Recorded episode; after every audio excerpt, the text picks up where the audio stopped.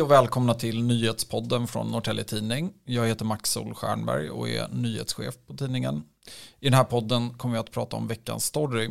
Men innan vi sätter igång så vill jag meddela att vi tar ett litet sommaruppehåll och vi är tillbaka i augusti igen. Men nu ett par nyheter från de senaste dygnen. Under tisdagen drabbades Region Stockholm av omfattande IT-problem. Journalsystemet som används av Norrtälje sjukhus slogs ut. Nu har vårdbolaget 1000 analyserat konsekvenserna i Norrtälje. 1000 konstaterar att det inte uppstod några problem för någon enskild patient. Bolaget arbetar nu med att uppdatera de journaler som det fattas information i. En 36-årig kvinna döms för att ha sparkat två polismän på benet. Det var i oktober som polisen upptäckte en kvinna som sov ruset av sig i en bil vid en bensinstation i Norrtälje. När patrullen väckte kvinnan blev hon aggressiv och sparkades. Hon döms till skyddstillsyn för våld mot tjänsteman, våldsamt motstånd och två fall av ringa narkotikabrott. Med mig här idag har jag John Fagerström, reporter på tidningen och du har ju återkommande rapporterat om fiske i de norra kommundelarna. Eh, mer specifikt så handlar dina artiklar om tjuvfiske och då i Edeboviken. Eh, men också hur kustbevakningen har lyckats gripa misstänkta tjuvfiskare. Och nu kan du ju rapportera att eh, ja, men åklagaren lägger ner utredningen. Och då undrar man ju som läsare, vadå, var det inte tjuvfiske? Mm. Nej men exakt, det är en bra fråga där. Enligt åklagaren så var det inte tillräckligt tydligt att det rörde sig om tjuvfiske. Och ja, men bara för att ta tillbaka historien här så uh, vi rapporterade om det här redan i förra året, i höstas. Och uh, under september fram till december, eller slutet av december, så råder det fiskeförbud i Edeboviken i Hallstavik. Och det är precis utanför uh, pappersbruket. Och det är många som har rapporterat om att de har sett tjuvfiskare där. Och eh, vi har rapporterat om att Kustbevakningen har tagit tjuvfiskare där vid eh, flera tillfällen. Och eh, ja, men nu har helt enkelt eh, ja, det väcktes aldrig något åtal från åklagaren och det här har väckt en del eh, frågor och irritation hos Kustbevakningen som ändå var på plats och tog dem på liksom bar gärning. Mm, jag tänker att vi ska lyssna faktiskt på um, din, delar av din intervju med Mikael Vedin från Kustbevakningen. Eh, så vi lyssnar man verkligen tar honom med fingrarna i syltburken. Mm. Och så blir det ändå bara pannkaka. Mm. Och de här var ju dessutom lite så här hånfulla mot oss. Ja, alltså han är ju rätt tydlig med hur han ser på saken. Men uh, skulle du kunna utveckla, du har ju talat uh, både med kustbevakningen och åklagaren här. Uh, även med fiskare. Men kan du utveckla, alltså vad, vad är problemet? Ja, problemet är att det är väldigt otydligt vad som egentligen gäller. Uh, enligt åklagaren då, som inte väckte åtal nu, uh, så ja, men det rör sig om flera faktorer. Först och främst, har, när han gjorde sin bedömning, så är det ju flera faktorer som väger in. Men framförallt är det tydligt att det framkom att det var fiskeförbud där faktiskt i Edeboviken under det här tidstillfället.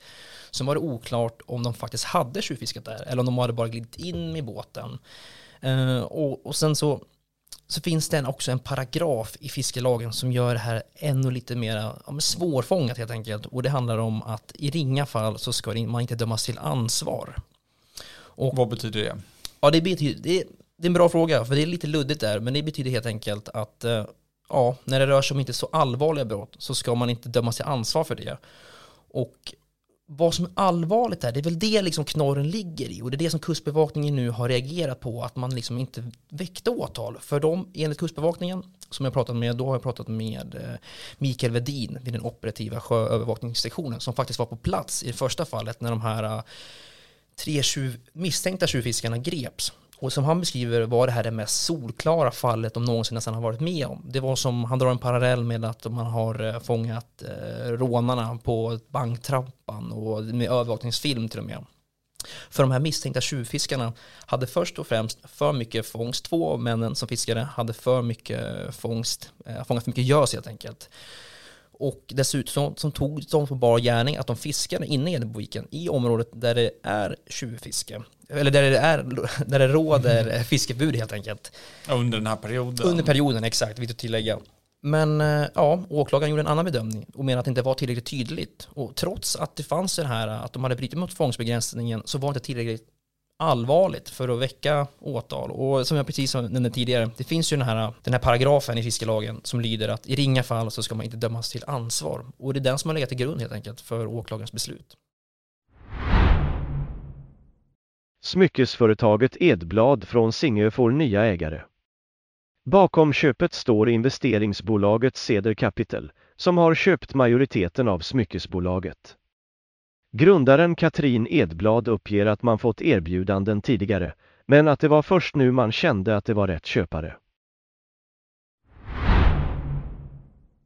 En kvinna i 50-årsåldern från Norrtälje har dömts för bokföringsbrott och försvårande av skattekontroll.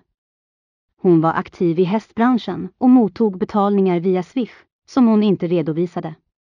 Totalt omsatte företaget över en halv miljon kronor. Kvinnan döms till villkorlig dom och 3 000 kronor i böter. Hon ska också betala 15 000 kronor i företagsbot.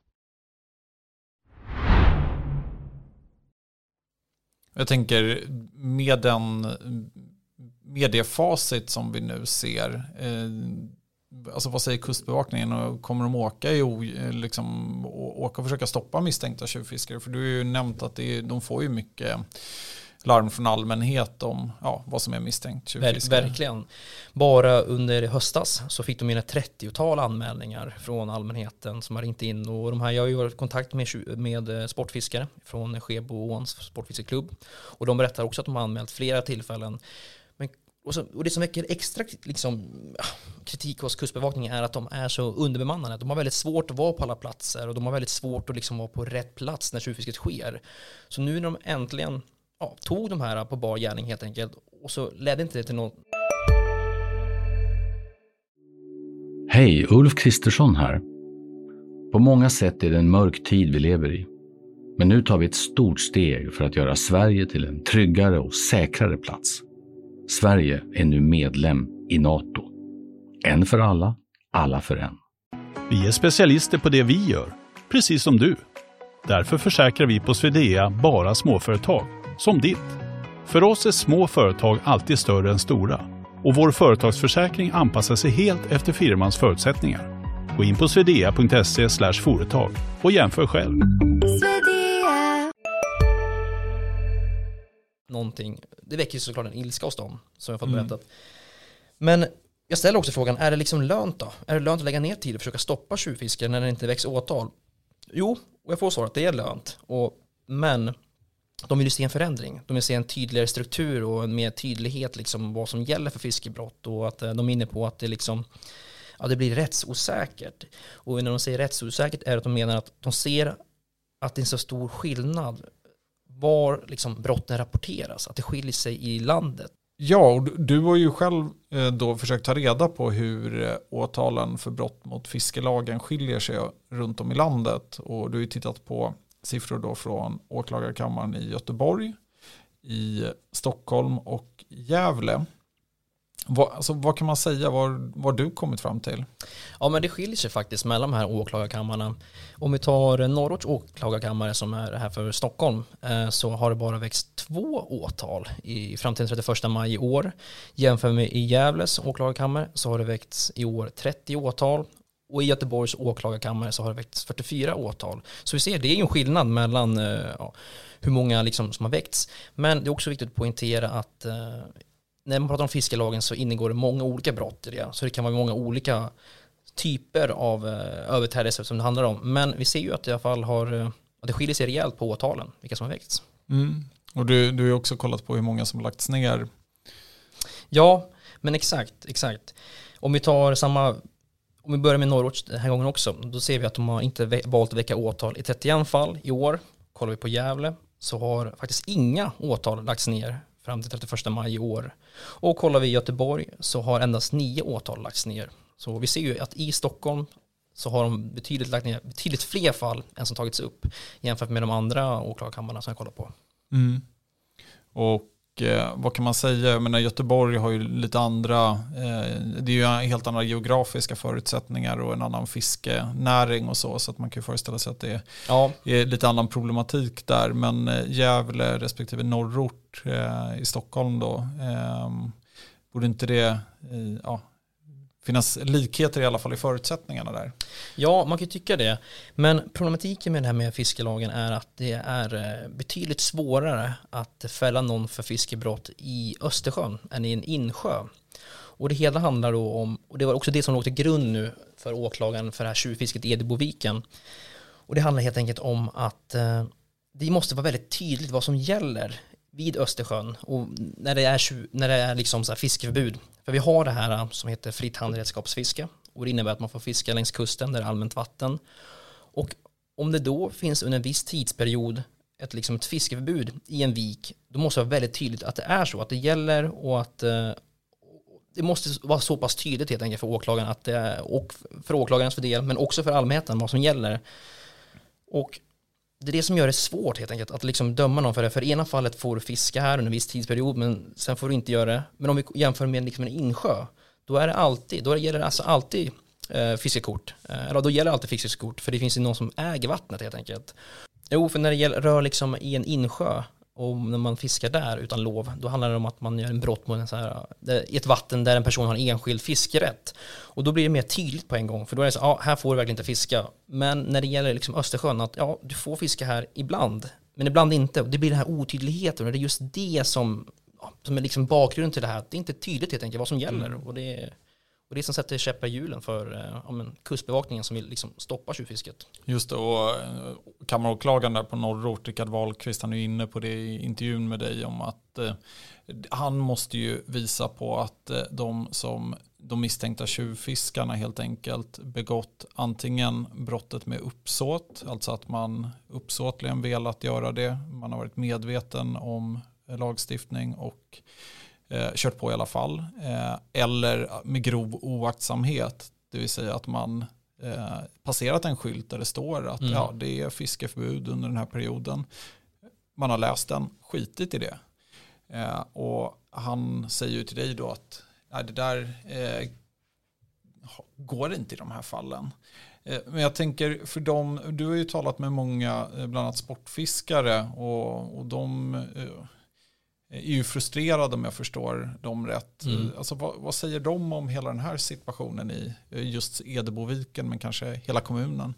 Ja, jag träffade ju Skebo sportfiskeklubb där i höstas och pratade om dem när, eh, när vi första gången skrev om det här med tjuvfisket som pågick. Och eh, ja, men det som är lite speciellt med dem är att de har lagt ner ja, tusentals timmar med att restaurera upp och skapa nya lekvägar för Skeboån eh, för att gynna havsöringen helt enkelt. Och där Skeboån slutar eller börjar, hur man väljer man ser på det. Det är där Edoboviken tar, tar vid helt enkelt. Och de, ja, de, har, de tycker det är jättetråkigt att folk står och tjuvfiskar helt enkelt. För det påverkar, eh, det påverkar helt enkelt havsöringen som ska leka under den perioden. Och det här vet du, fiskeförbudet som är i Edeboviken under den här tidsperioden under hösten är enkom för att ja, skydda havsöringen som ska inför lek helt enkelt.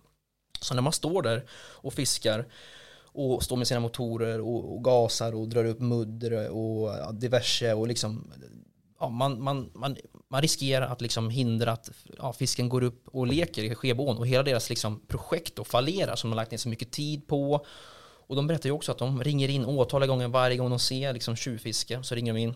Och grejen är att det här är inget nytt det här har pågått i flera år. De berättade en story för mig att de hade för flera år sedan upptäckt att någon hade fiskat, eh, lagt ut nät i Skebån och fisk, fångat upp massa mängder gös. Och sen hade de filetat dem och lagt bara vid sidan om helt enkelt. Och när de såg något sånt så är det ju, ja, de tycker det är jättetråkigt liksom att se. Nu har det däremot minskat på de senaste åren och det är rätt ovanligt att så pass liksom, att de fångar med nät. Men det är också de säger att ja, det finns ju konsekvenser, det blir konsekvenser av det helt enkelt. Att, då att eh, havsöringspopulationen kan minska. Mm. Men gott. Jag tänker att vi rundar av där. Eh, hör av er, säg vad ni tycker, tipsa oss om vad vi borde ta upp på nyhetsplats eller i podden och eh, tryck på följ i den appen du lyssnar på så får du upp nästa avsnitt. Och som sagt, vi tar ett litet sommaruppehåll. Eh, så jag och John, vi hänger upp skylten här med Gone Fishing. Så ha det så bra. Trevlig sommar. Hej! Hej,